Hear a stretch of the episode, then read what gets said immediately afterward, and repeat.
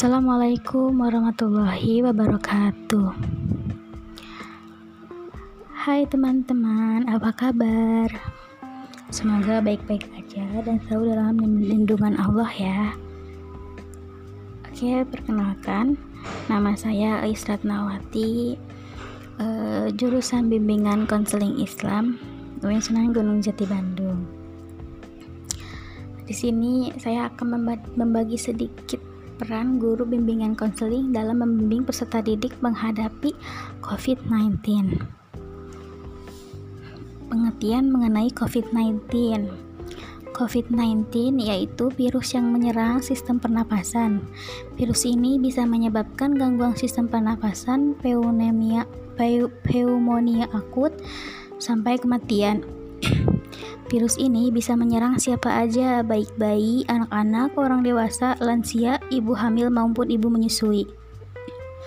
Sejarah COVID-19 Infeksi virus ini disebut COVID-19 dan pertama kali ditemukan di kota Wuhan, Cina pada akhir Desember 2019. Virus ini menular dengan cepat dan setelah menyebar ke wilayah lain, termasuk Cina dan beberapa negara termasuk Indonesia. Penyebab adanya virus COVID-19 karena infeksi, infeksi virus atau corona atau COVID-19 disebut oleh coronavirus yaitu kelompok virus yang menginfeksi sistem pernafasan. Pada sebagian besar kasus, virus corona hanya menyebabkan infeksi pernapasan ringan sampai sedang seperti flu. Akan tetapi, virus ini juga bisa menyebabkan infeksi berat seperti pneumonia, Middle East Respiratory Syndrome atau MERS dan Severe Acute Respiratory Syndrome atau SARS. Ada dugaan bahwa virus corona awalnya ditularkan dari hewan ke manusia, namun kemudian diketahui bahwa virus corona juga menular dari manusia ke manusia.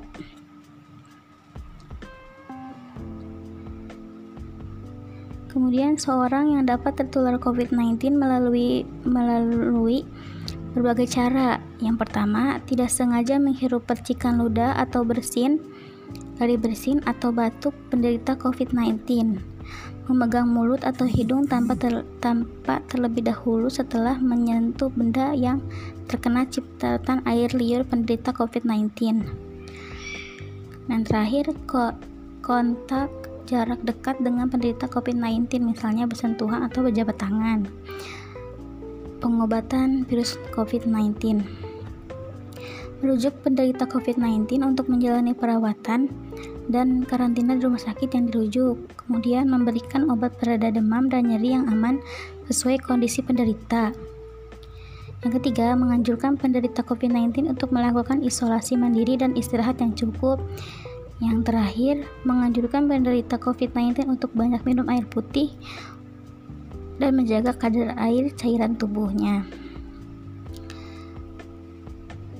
Pencegahan COVID-19 yang pertama, hindari berpergian ke tempat umum yang ramai.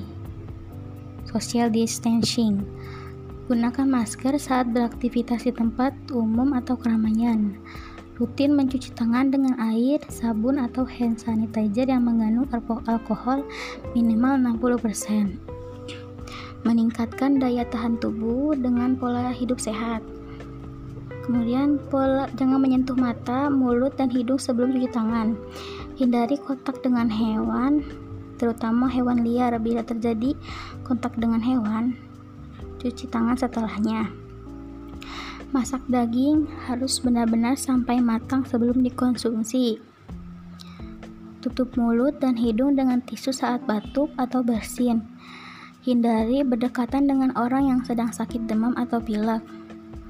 Yang terakhir, jaga kebersihan benda yang sering disentuh, dan kebersihan lingkungan. Langkah-langkah agar virus COVID-19 tidak menular ke orang lain.